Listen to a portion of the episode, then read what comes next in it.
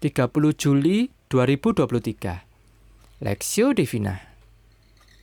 Matius pasal 8 ayat 5 sampai 13 Ketika Yesus masuk ke Kapernaum datanglah seorang perwira mendapatkan dia dan memohon kepadanya. Tuhan hambaku terbaring di rumah karena sakit lumpuh dan ia sangat menderita. Yesus berkata kepadanya, "Aku akan datang menyembuhkannya." Tetapi jawab perwira itu kepadanya, "Tuhan, aku tidak layak menerima Tuhan di dalam rumahku." Katakan saja sepatah kata, maka hambaku itu akan sembuh. Sebab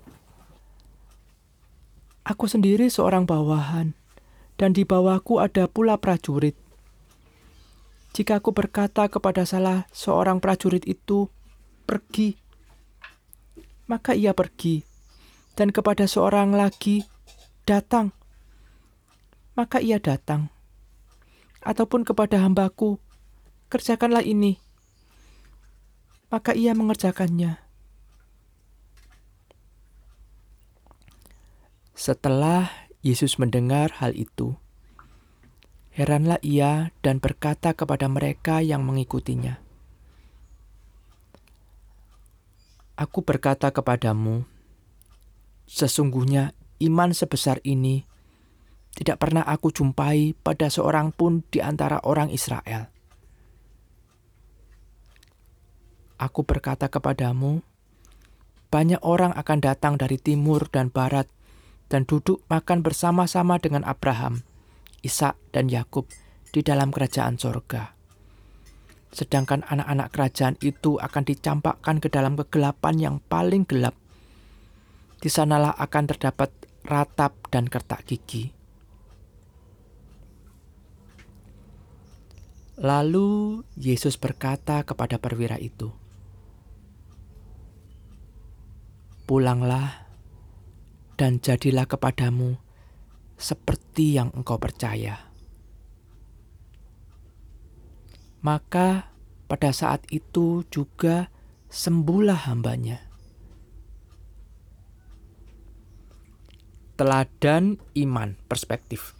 Setelah Yesus mendengar hal itu, heranlah ia dan berkata kepada mereka yang mengikutinya, Aku berkata kepadamu, sesungguhnya iman sebesar ini tidak pernah aku jumpai pada seorang pun di antara orang Israel. Matius pasal 8 ayat 10. Kisah penyembuhan ini berfokus pada permintaan seorang perwira Romawi pada Tuhan Yesus. Kehadiran pejabat militer Romawi di Kapernaum adalah sebuah keniscayaan karena kota ini dekat rute perdagangan utama dan memiliki pos pabean. Perwira Romawi yang juga disebut Centurion adalah komandan dari 80 tentara, sekaligus seorang perwira menengah dalam hierarki militer Romawi. Komandan Centurion berada di bawah komandan cohort atau pemimpin 6 centurion dan komandan legion pemimpin 10 corhot. Jabatan ini ditulis Matius secara khusus untuk menggambarkan kese kesejajaran analogi. Ketika perwira ini memperkenalkan natur jabatannya, ayat 9, dia paham benar kuasa dari Tuhan Yesus Kristus sebagai anak Allah. Fakta ini mengejutkan karena ia seorang non-Yahudi. Tampaknya dia pun mempelajari agama Yahudi, serta kemungkinan besar mengenal Yesus Kristus sebagai Mesias dan anak Allah yang Maha Kuasa. Dalam kehidupan sehari ketika harus mengambil keputusan penting yang menyangkut masalah hidup mati, maka kita akan berjuang mengumpulkan data-data pendukung sebanyak dan selengkap mungkin. Bila perlu, kita mendapat jaminan 101% bahwa keputusan kita sukses. Tidak demikian dengan iman perwira ini. dalam segala keterbatasan pengetahuannya sebagai seorang non-Yahudi dengan keyakinan dia menaruh iman percaya sepenuhnya kepada Yesus Kristus, Sang Mesias dan anak Allah yang Maha Kuasa. Iman yang membuat Tuhan Yesus sangat terkesan sehingga ia mengabulkan permohonan perwira ini untuk memulihkan hambanya dan menjadikannya teladan iman bagi murid-muridnya. Ayat 10 sampai 13.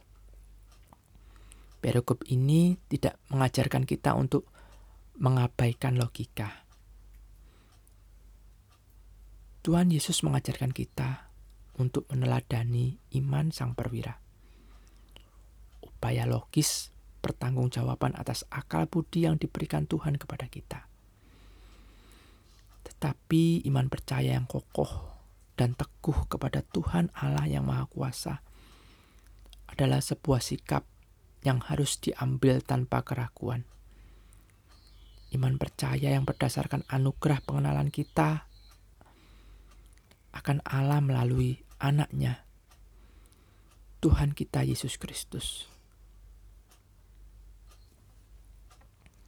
Studi pribadi, apa yang apakah yang dapat kita pelajari dari kisah perwira Romawi ini?